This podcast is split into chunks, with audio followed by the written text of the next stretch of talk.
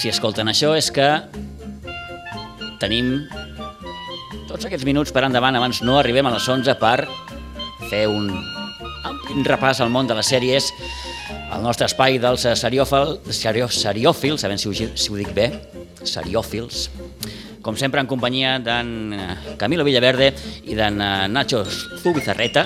Avui no sé què em passa amb la boca. M'ha menjat algú que no, que no... Escolta'm, Joan, bon dia de nou. Bon dia de nou, Pitu. Sí, Vinga, sí. doncs, us deixo, eh? I vosaltres sí, sí. mateixos. que... I, avui, I avui, que també saludem exacte amb en, amb en Camil i amb en, i amb en Nacho, tam, que ens han preparat uns, podríem dir, uns seriòfils versió espanyola. Sí, sí, avui moltes estrenes a nivell nacional i després també comentarem una de les sèries que potser és la més comentada al moment, que és El Inocente, que uh -huh. també és, és espanyola, tot i que està rodada aquí a Barcelona, amb el director Oriol Paulo, que és en aquest moment un dels directors amb més projecció internacional que tenim. Sí, sempre parlem de que les sèries espanyoles cada cop estan de... No? Eh, la indústria cada cop genera més sèries i aquesta és la prova, en, una, en un programa on la majoria d'estrenes són, són sèries fetes, fetes aquí. Doncs eh, sense mm, destorbar-nos gaire més, perquè anem de repassar unes quantes abans de les 11, eh, anem per la primera, que precisament no és espanyola. La primera. Esto ha llegado en su ausencia, señora. ¿Es una invitación? ¿Por qué nos han invitado? Lo que se dice. El baile se celebra en honor del Duque de Wellington. Espero que esto no sea un error. Lo que no se dice. ¿Cuándo le contaremos el resto? No puedo fingir, James. Lamento no poder decírselo. Ni siquiera él lo sabe. ¿Tenemos derecho a ocultarle que tiene un nieto? Tiene visita. Parece que ha visto un fantasma. Hay secretos que es mejor guardar bajo llave. Debes controlarte. Doncs ja ho hem sentit, hay secretos que és mejor guardar bajo llave. Uh, la, cosa, la cosa va de de, de secrets, està a Movistar Plus i es diu Belgravia. Belgravia, sí, que la venen com la nova Downton Abbey, eh, perquè bàsicament és la sèrie del seu creador, que és el Julian Fellows, que mentre esperem la segona pel·lícula inspirada en la sèrie, doncs ens porta aquesta minissèrie de sis capítols eh, doncs, amb bastantes, bastants tocs de Downton Abbey, no? Aquest, aquesta època, l'accent british, a les famílies aristocràtiques i, i potser amb una mica més d'humor, no és tan colabrot potser i tan, i tan amb trames romàntiques com Downton Abbey, sinó que és una mica amb aquest humor, uh, humor britànic, que a qui li agradi doncs és la, és la seva sèrie. El títol de la sèrie, Belgravia, eh, refereix al, al barri aquest eh, de Londres, eh, just en el moment que, bueno, que es comença a, tota la gent, diguéssim, aristocràtica i amb diners de l'època, doncs va viure cap allà. Llavors es barregen doncs, a, els de Rancio Bolengo amb, amb els nous burgesos que eh, eh, es fan rics per, per, per, bueno, per qüestió de les seves feines. No? I bueno, és una mica, reflecteix aquest entorn. Eh, és una sèrie d'època i ens porta uns 50 anys abans de lo que seria d'Autonave. Uh -huh. I bueno, com es veu ja el tràiler, doncs està molt ben feta, molt ben il·luminada, els vestits són meravellosos i les actuacions són estupendes. O sigui que segurament està molt bé. Sí. A mi em fa gràcia que no és la típica sèrie que veus els protagonistes guapos, joves, tal, no? És com una... Tots els protes són grans, són una família ja de, sí. de 40, 50, 60 anys i és una mica tots els secrets que han anat enterrant aquestes dues famílies com van sortint a la, a la llum. Però no és la típica sèrie amb ha protagonista, doncs, fi, guapo, jove, tal, sinó que no, no, és una gent bastant, bastant corrent. Doncs Belgravia, que ja està, ja està penjada a, a Movistar Plus eh, per, per poder-la per poder veure. I ara sí, ara comencem amb la ració de sangre espanyola. La primera a3 Media, que, que tampoc és, és plataforma, però també és, eh, és la, la plataforma d'Antena 3. Escoltem la primera de les propostes.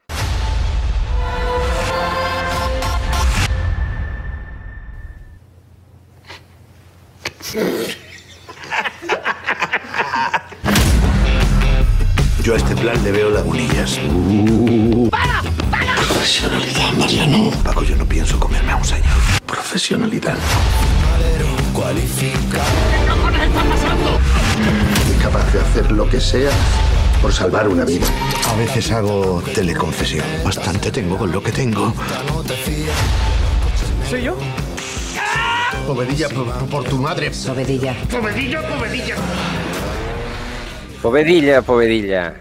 La, de, la, la un, sí, desena temporada que torna de Los Hombres de Paco. Los Hombres de Paco, sí, sí. No, no és gens habitual que una sèrie eh, 11 anys després de que s'hagi donat per acabada, no? amb, aquell, amb aquell comiat, doncs es reprengui i, i, i realment és bastant sorprenent que, que, que torni eh, Los Hombres de Paco, una sèrie que d'alguna manera sí que anticipava una mica aquest boom de, de, de sèries espanyoles actuals. De fet, molts dels guionistes de Los Hombres de Paco estan a les, totes les grans sèries espanyoles actuals, tipus La Casa de Papel, El Internado, El Embarcadero. Um, és, un, sí, és com una sèrie que tothom té de referència i, i, i bueno, 11 anys després doncs, tornen aquests dos protagonistes, el Paco Tous i el Pepo Nieto, els dos personatges que interpreten aquests policies una mica així eh, no? Eh, Spanish. Sí, torrenteros, una miqueta. Un sí, una mica no? a l'estil Torrente, això mateix. Uh -huh. I doncs rescaten aquesta sèrie que a la primer capítol es va emetre a Antena 3 i ara, a partir d'ara, ja qui vulgui els ha de pagar a la plataforma de streaming d'Antena 3, de 3 Media, que es diu a 3 Player. Uh -huh. Nacho, que l'has vista? És que jo no... La... No, no consumeixes. No, no, no, ja no la vaig veure en el seu moment perquè, bueno, aquest tipus d'humor torrente, que sí, que té molta gràcia i tal, doncs està molt bé, però jo no soc, no, ja no era gaire fan en el seu moment, eh, no. així que sembla que aquesta no la veuré. Tot i, però... així com Belgravia segurament la veuré quan tingui un moment, Los hombres de Paco deixaré que el Camilo me l'expliqui. A veure, què, no, a veure, no, molt, era molt, molt fan, però era una sèrie que arrossegava molta gent. Hi havia molta audiència que tenia... A més, barrejava una mica aquest humor torrentero amb el thriller... Sí, amb eh, acció. I és veritat que d'aquesta sèrie i d'alguna altra que es feien els, això fa 10 anys, 8, 9, han sortit molts professionals que ara doncs, estan tenint molt d'èxit amb, amb, amb les seves carreres ja més en solitari o, o lideren projectes. Sí Sí, sí fins i tot amb, amb, amb els girs de guió, vull dir, era una sèrie que si entraves una mica enganxava. Llavors ara tornen amb els seus protagonistes, també torna l'Hugo Silva, la Michelle Jenner, amb, amb, amb cameos a, a la nova temporada, no són protagonistes, i també eh, torna a la televisió Amparo Larranyaga, una actriu no, clàssica de la televisió espanyola que feia molt de temps que no veiem i doncs ha tornat amb un paper protagonista per donar una mica la rèplica femenina a aquests dos ganyanes eh, torrenteros, que són els dos policies.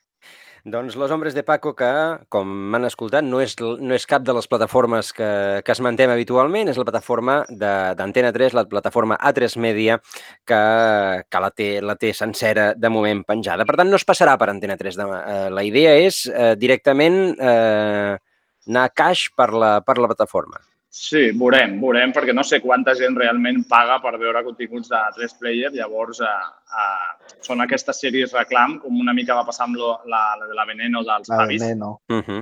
per, portar, per portar gent a la plataforma. Veurem que fins a quin punt... un o dos tots... capítols, sí. no? Exacte. Pengen en obert un o dos capítols i després, si vols continuar, l'has de veure mm, Paganini. Paganini. Veure, el que passa que a 3 Player també és bastant més barata que les altres plataformes sí. en les que competeix. També el seu catàleg és molt minso, vull dir que... Però, vamos, sí, però clar, hi ha moltes plataformes i si moltes plataformes i vas pagant d'aquí, vas pagant d'allà, no sé fins a quin punt hi ha tants fans de Los Hombres de Paco que queden de fa 11 anys com per dir, va, vinga, ara pues, pagaré tants euros més per tenir la, a 3 Player a casa. Sí, veurem. Interessant aposta, per tant, d'Antena 3 recuperant Los Hombres de Paco. I ara ens n'anem també a eh, aquelles, aquelles nits dels 80 que, que la ràdio esportiva espanyola, finals dels 80, sí, finals dels 80, que la ràdio esportiva espanyola doncs era gairebé qüestió d'estat. Uh, Movistar ens ho, ens ho presenta en una sèrie. Esto es La Noche del Cóndor. Comenzamos. Por un programón. A celebrar. Paco se va a la competencia. Bienvenido, Paquito. Alguien se ha estado tocando los cojones, pero a base de bien. No hay nadie, ni jugadores, ni periodistas, nadie que esté tan loco como para enfrentarse al cóndor. ¿Y Jota? Quiero nuevos colaboradores, nuevas voces, nuevo estilo. Suena bien, pero no muy nuevo. Voy a machacarle. Llevo años sin rival y comenzaba a aburrirme. Vamos a acabar con él. Vamos a darle caña al enano de los cojones. O él o yo. Y arranca el partido. ¿Hay cojines de sobra en la cabina? No hace falta que me envíe cojines, que me sobran cojines y co Dios gilipollas. I gol. Gol. I gol. Uh, Reyes de la Noche, la, la, la versió, anava a dir, mm, comedietzada de, de la guerra de, del transistor. Exacte. Per la, per la gent que ja tingui una certa edat, com puc ser jo mateix, eh, doncs és una sèrie que, que no, amb unes clares referències a aquestes eh, nits esportives on hi havia aquesta lluita a les ones radiofòniques entre José María García i José Ramón de la Morena, que era uh, un periodista que havia sortit una mica de, del programa de José María García i doncs, tenien aquesta rivalitat eh, on es deien moltes vegades de tot i s'anaven enviant missatges molt personals a través de, de, la, de les zones. I aquesta sèrie, tot i que diuen al principi que no són, no són ells, bueno, només has de sentir Javier Gutiérrez eh, Sí. tràiler amb aquest accent Sí, solament sentir la primera frase del tràiler, si no el veus, a més a més, dius, aquest és José María García. aquesta manera de parlar de, no, de abrazafarolas, aquesta que tenia el José María García, doncs es reconeix de, de seguida. Eh, és una sèrie això, que molt orientada doncs, a aquesta gent que va viure allò, no, a aquesta ràdio dels 80, però que també per les noves generacions es pot reconèixer en programes com el Chiringuito de Pedrerol, coses així, no? I aquesta referència on, on va sorgir una mica aquest eh, periodisme, diem periodisme, eh, esportiu, que és el que estem, el que estem gaudint actualment. Sí, fruint, sí, sí, ja, ja, ja ho pots dir, ja. Uh, um, A mi, jo, Digues. Aquestes sèries que a mi m'ha agradat, eh? eh és, eh, Movistar penja dos capítols cada divendres i realment la, els dos primers tenen ritme, eh? Són mitja horeta, eh, és una sèrie com molt pujada de to, ja es, ja es veu, ja se sent el trailer, no? Eh, és una sèrie, no, no és una comèdia continguda, però realment a, els dos actors estan molt bé eh, i aquest món on, on allà dintre dels, dels platós de ràdio es feia, bueno, qualsevol, feien barbaritats tots fumant, uns potents, bueno, bevent, drogues, i es anaven dient de tot. Bueno, és una sèrie que, que, té, que, té, que té la seva gràcia. Mhm. Reflecteix potser bastant bé el que eren els mitjans de comunicació de no fa tant, de 20-30 Mm. anys, no? I, I, bueno, té la seva gràcia. Jo penso que els autors estan molt ben agafats. El Javier Gutiérrez, que, diguéssim, representa el periodisme encara més ranci, eh, amb, fent de José María García, i el Mic és, és bé que, bueno, que és com més modern i li intenta donar un aire doncs, més actual. No? Tot i que té...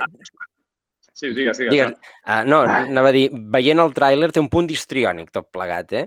Sí, sí, Sí. sí, sí, és molt histriònica. De fet, el personatge de José María García, si hem de fer justícia, era molt histriònic de, per ser, no? Era un personatge molt, molt extrem.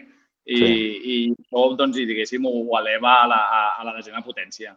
A, a mi I a més, mo, mo, molt endiosat en el seu moment, no? Sí, sí, no, clar, Hi ha un que- moment del tràiler que diu, escolta, tu solament ets un periodista esportiu. Diu, com un periodista esportiu? Llama al ministro. O sigui, que en aquell moment aquest home podia fer el que No, i desfà. De fet, el, el segon capítol és el seu fitxatge per una cadena que és la COPE, però no ho diuen, però és la COPE, i arribar allà i, i fot fora el, el, el gran pope de, de, de la COPE, el fot fora en, en, en una setmana.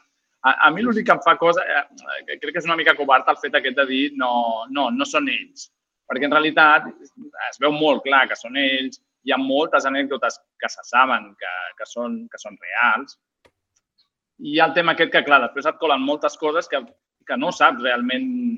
No? És una mica covard, potser, de, de tirar la pedra i després amaga la mà i diu no, no, jo això que, que, que dic aquí no, no és real. Llavors és, és difícil, eh, per la gent que no ho conegui massa, és difícil diferenciar què pot ser veritat de què pot ser ficció. I aquesta és l'única pega que li posaria jo a la sèrie. Doncs eh, la uh, Reyes de la Noche, que com deia en Camil, està des, de, des del 14 eh, de maig, ja, ja han començat a penjar, encara no està tota sencera eh, no, penjada. dos capítols més. Uh -huh. Um, doncs vinga, sortim de les sèries espanyoles un moment, perquè ja hi tornarem, uh, i ens n'anem a Netflix.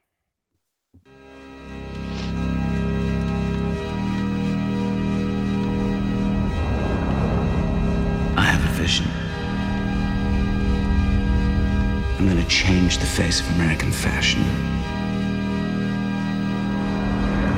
Words like violence break the silence, come crashing in into my little world, painful to me. What we need is to figure out your signature. Can't you? What's gonna make me see some gorgeous woman and say, that's a Halston?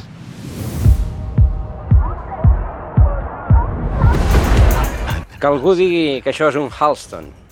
That's a Halston. Uh, Netflix ens presenta la, doncs això, la vida sí. d'un personatge clau de la moda americana. Això mateix. Que a banda de fer-se famós com a dissenyador, jo havia sentit parlar d'aquest home perquè va ser potser el, el primer empresari que va perdre el seu cognom eh, i no perquè es va vendre i tot això i no el podia utilitzar en lloc, no? Llavors era com bastant frustrat.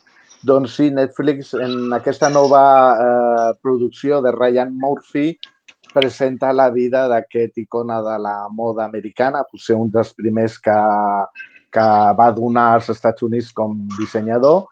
I, bueno, doncs, una mica també reflecteix el que van ser els anys 60, dels 60 als 80, que és quan aquest home va durar la seva carrera. I, bueno, és una aposta bastant, bastant interessant. A més, són sis capítols, bastant concret i amb una interpretació del Ewan McGregor molt afinada, diria jo. Està, molt, està cada cop més, estem veient aquestes sèries de sis capítols, ja hem parlat de Belgravia, eh, Reyes de la Noche, crec que també en té sis, vull dir, ja és una fórmula que es comença a repetir perquè suposo que per determinat tipus d'històries funcionen i en aquest cas també. És una sèrie, doncs, això, que, com ha dit el Nacho, d'un personatge que, que imagina't com devia ser que, de, que va perdre tot l'imperi que havia creat, que, fins a punt que després no podia fer servir ni el seu nom, eh, va crear una altra marca després, eh, però per, diguéssim, un anticip del que seria ara el Zara o un H&M, no? per, per entendre'ns, però que no va funcionar, va morir de sida, bueno, va ser també un, molt conegut a la nit de Nova York, un personatge com molt extrem que, que l'Ivan McGregor, doncs, per ell és un, és un, un carmelet. I a veure si Ryan Murphy, que des, des que ha signat amb Netflix semblava, no, Nacho, que no acabava de trobar sí, que una no mica... acaba de trobar eh, un producte a l'alçada de lo que s'esperava d'ell. A veure, Harrison jo penso que dels darrers que hem vist d'ell és de les millors.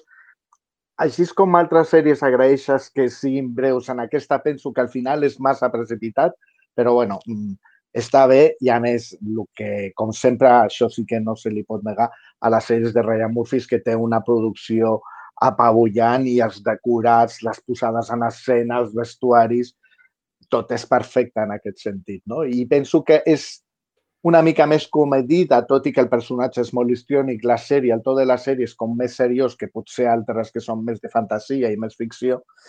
Mm, penso que és de les més dignes que, que, que ha estrenat eh, Ryan Murphy a Netflix. Doncs uh, Halston, que es pot uh, veure també ja uh, a Netflix, minissèrie de, de, sis, de sis capítols. I vinga, tornem cap aquí, uh, tot i que no ens movem de Netflix. Madrid fue la primera ciudad de la historia en contar con un superhéroe.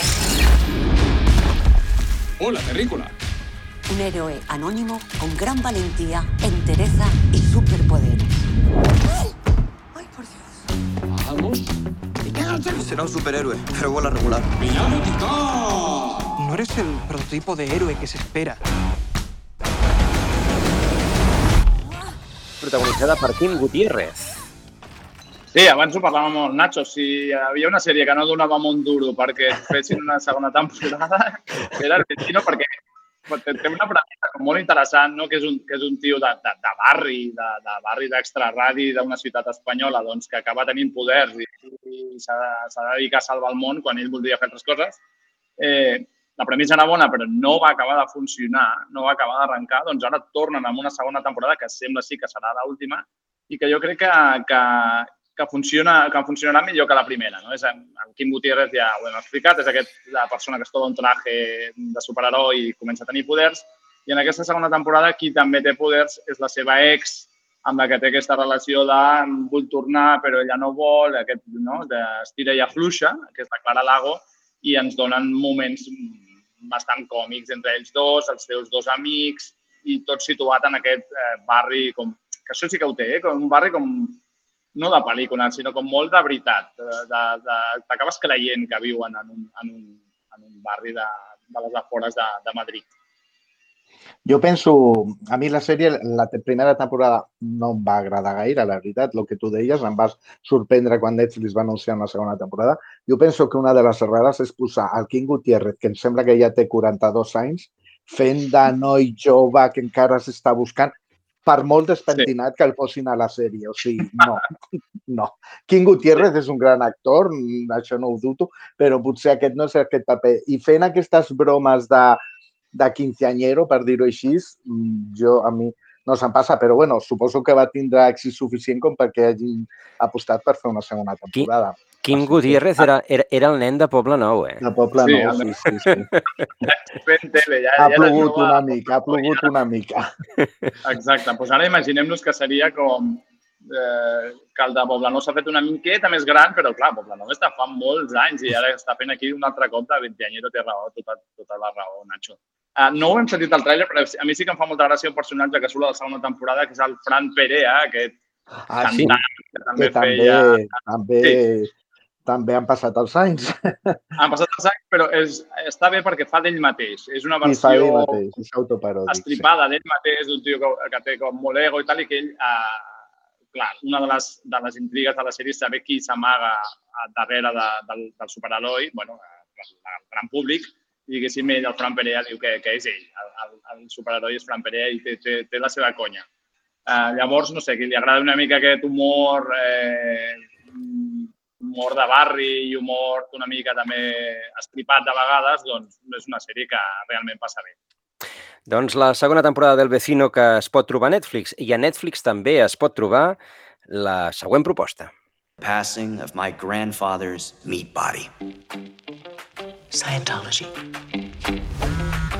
Hello, ex-wife. Hello, ex-husband. What's up? I think we might be planning a wedding.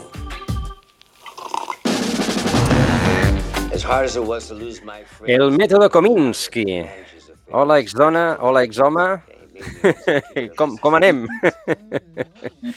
I a partir d'aquí es, es lliga la història.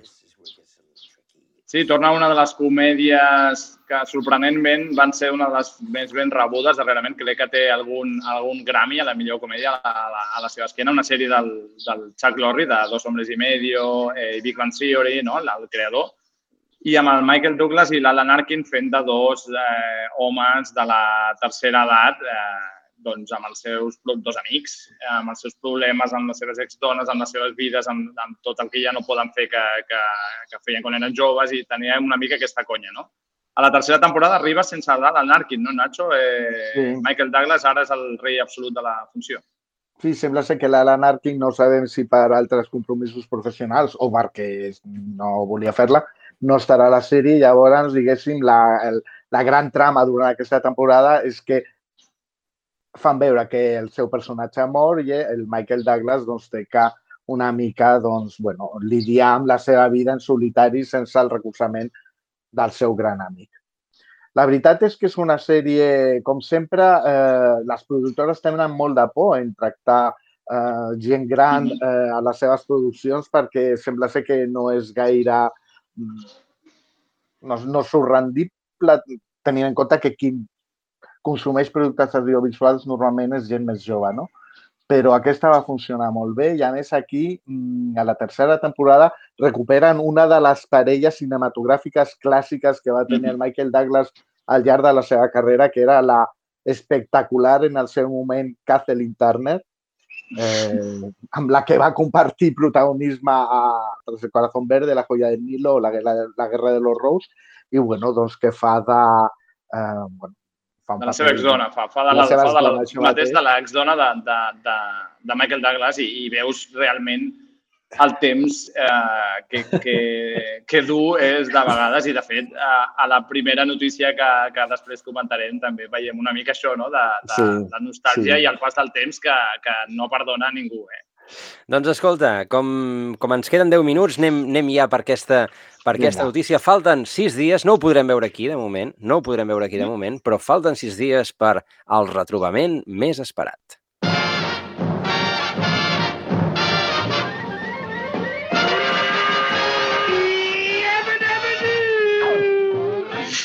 Bueno, escolta'm, ja que, ja, ja, ja, ja que ens l'ha posat... Comentem, doncs problema. escolta, comencem no, per aquí. No, no seria potser el retrobament més esperat, però no, no, també té, no, té uns no, anys, no, això. però eh? bueno, és sorprenent, és sorprenent.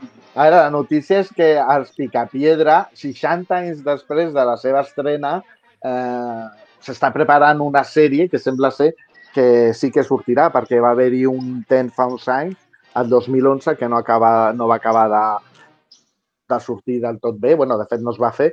I ara la Fox ha anunciat ja que ha posat en marxa la preproducció d'una nova sèrie eh, inspirada en els, en els personatges dels Picapiedra.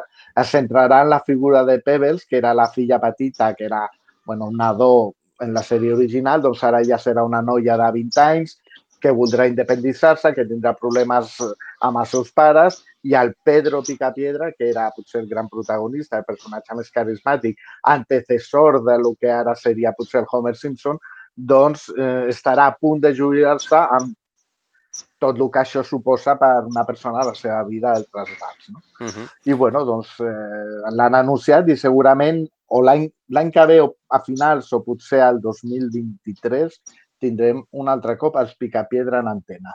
Doncs eh, anava a dir que gairebé ni los más viejos del lugar se acuerden, però... Bueno, però, però és d'aquestes sèries que, que s'han fet pel·lis després i que Mm. s'han reposat, o sigui que segurament gairebé tothom li sona. No, eh, eh, això de treballar de treballar lluny a vegades, eh, hi ha hagut un problema amb el tall de frens, però com a mínim, doncs, com falten sis dies, esmentem el, el retorn de frens. Doncs sí, Per fi, no, parlem, Nacho? Per fi tornen. parlem, parlem d'aquest retrobament que no sabia si seria sèrie, si seria programa, si seria capítol especial. especial. Al final, eh, darrerament ha sigut com un, un mix de tot, un programa que ja té data d'estrena als Estats Units, que serà el 26 de maig a HBO Max. Encara no sabem si es veurà aquí, eh, perquè hi ha hagut altres, retrobaments de sèries mítiques com El Príncipe de Bel Air o El ala oeste de la Casa Blanca que es van fer i es van passar per la televisió americana però aquí no es van veure, però mm, entenem que amb la repercussió mundial que té la sèrie Friends encara, encara avui en dia que es continuen passant amb èxit els seus capítols, sí que la podrem veure. El tall aquest que no s'ha pogut sentir, mm, si el busqueu, ja està a les xarxes i com bé deia el Camilo, bueno, pues, han passat, no sé, 20, 30 anys, ara no, El, no el, tinc el temps clar. passa per tothom. El temps El passa per temps tothom. passa per tothom. Hem de dir que potser en general les noies de la sèrie aguanten millor el pas del temps, els nois estan més, Més madurs. més eh, treballats Més per, viscuts, per els més anys. I, I, bueno, doncs, serà un A mi- programa molt especial on ells tornen a la seva, al, al que va ser el, a l'escenari, el decorat de, de la sèrie i comenten anècdotes i tal. I fan jocs, i riuen. I a més a, A mi més em fa hi ha una la- mica de, de por, de, de, perquè clar, jo soc, jo soc un molt fan de la sèrie original i, i s'ha anticipat tant, hi ha hagut tant de hype que diuen els, els anglosaxons que ara em fa por que el, que, el producte que, que trobem, doncs, bueno, sí, estigui bé, però no, no, no sigui el que, el que tots esperem. Tot i que suposo que per qualsevol fan de tots els personatges de Friends, doncs, tornar-los a veure, que ens expliquin coses que no sabem, doncs sempre, sempre A veure, per lo que es veu al tràiler eh, o al vídeo aquest, um, tiren molt de nostàlgia, evidentment, no? Sí. I penso que això pot connectar molt bé amb els fans de Friends, que ells comenten anècdotes del primer cop que van llegir el guió, o quan, com encaraven els seus personatges. I a més a més comptarà amb actors mítics que van sortir a la sèrie, com el Tom Selleck, Tom Selleck la Reese Witherspoon i Cindy Crawford o Brad Pitt i altres de nous que, que se junten. Es, escolteu, com a, com a fan del Magnum de TV3, eh, m'ha fet mal veure l'estat actual de Tom Selleck, però bueno. Sí, també. també Bueno, també. però, però després veies Tom Selleck a la sèrie, que, que ja tenia uns quants anys, i a la Sí. sèrie estava, estava estupendo. L'únic que, clar, ara ja... Que, Clar, si ja tenia uns quants anys a la 70, sèrie, ara el pobre ja... Té uns 70 i pico anys, aquest home, clar. No, Sí, sí, no ens i, esperem trobar... i molt viscut, segurament. Sí, molt i a més a més, sí. a Hollywood, com tothom es retoca molt, ostres, Sí. arribes a certa edat amb una cara molt estranya. Certament. im- aquí. Ho deixem aquí. Sí, sí, sí. Uh, uh, escolteu, um, vinga, va, tirem, tirem l'últim l'últim tall, que, que així podrem comentar aquesta sèrie que, tu, que, tothom, que tothom parla.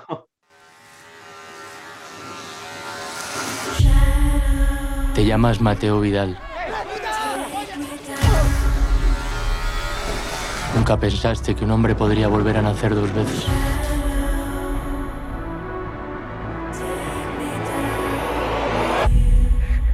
Pero tú lo hiciste. I a, i a partir d'aquesta premissa, Mateo Vidal, que neix dues vegades, és l'innocente i, i d'innocent no en té res horror. sèrie, no? Quin horror de, de, perdoneu, eh? Quin horror de veu a no, De veu, sí, és que de, de, de Mario Casas, més, que no transmet no, no, res. no, pronuncia, no pronuncia bé. Vull no, dir, no, no, no. A veure, un de, bueno, la sèrie és El Inocente, eh, l'estrena espanyola més important de Netflix eh, des de fa molt de temps. De fet, la sèrie és un èxit a tot el món i està protagonitzada per en Mario Casas, que, bueno, ja qui diu que té moltes limitacions a l'hora de mostrar... Hi ha qui diu, ha qui diu, tu no, eh? però ha qui diu. Diuen, a diuen. les, seus, a les seves actuacions. És Ah, una sèrie de l'Oriol Paulo, que és un director català. La sèrie està rodada a Barcelona. Potser Molt trepidant. Molt és molt trepidant es veu, trepidant. eh? Sí, són 10 capítols i la veritat és que és molt addictiva i és i no t'agradarà més o menys, però no t'avorreix perquè constantment hi ha girs de guion que quan penses que vas per un cantó vas per un altre i bueno, tot és molt, molt, molt ràpid. És una Sí, sèrie... productes, d'Ori- d'Ori- perdó, els productes de l'Oriol Paulo és una mica el que tenen, no? Uh, va, ha fet una sèrie de pel·lícules, de thrillers, uh, sobretot a Contratiempo, que és un, és un thriller que crec que la va patar absolutament a Xina, una cosa molt, Sí. molt fric, però que, que ja tenia això, no? De, de giros de guió cada 5 segons, coses inversemblants, perruques, eh, bueno, una cosa com molt, molt... que són una cosa i després són Sí. una altra. En aquest cas hi ha molta violència, és una sèrie amb una violència Sí. bastant explícita que arriba potser a ferir. I després... I per variar tracta el prostitutes, tema- no, Nacho? Perdó? I per variar també en una sèrie espanyola, prostitutes, no? Que sembla que sigui la, un- Prostitutes. la, última- Sí, que les manera de, de, feministes, les feministes Sí. han posat el grit al cel dient, escolta, si voleu fer dones que pateixin i que potser no estan dins de, de lo que seria la legalitat, podeu fer atracadores, segrestadores, narcotraficants, però sempre acabem amb l'estereotip de, de la prostituta. O sigui, la dona solament pot ser o una santa o una prostituta, no? Doncs, bueno, va haver-hi una mica d'enrenou per, a, per a aquest tema. Però, bueno, Nois, la sèrie és 10 interessant, segons. és divertida. Re eh, recomanable la sèrie? Jo penso que si no, si la vols Si veure entres, sí. amb, amb crispetes, és d'aquestes que Sí. la pots veure. Estic d'acord amb el Nacho. Doncs eh, Palomitera, ja ho saps, Pitu. Bé, doncs, eh, fantàstiques recomanacions, eh, com sempre, de la mà dels nostres seriòfils, nois, moltes gràcies. Fins la Gràcies propera. Gràcies, Adéu. Nacho, gràcies, Camil. Gràcies a vosaltres. Gràcies, Joan. fins- Fins la fins propera. demà, Pitu.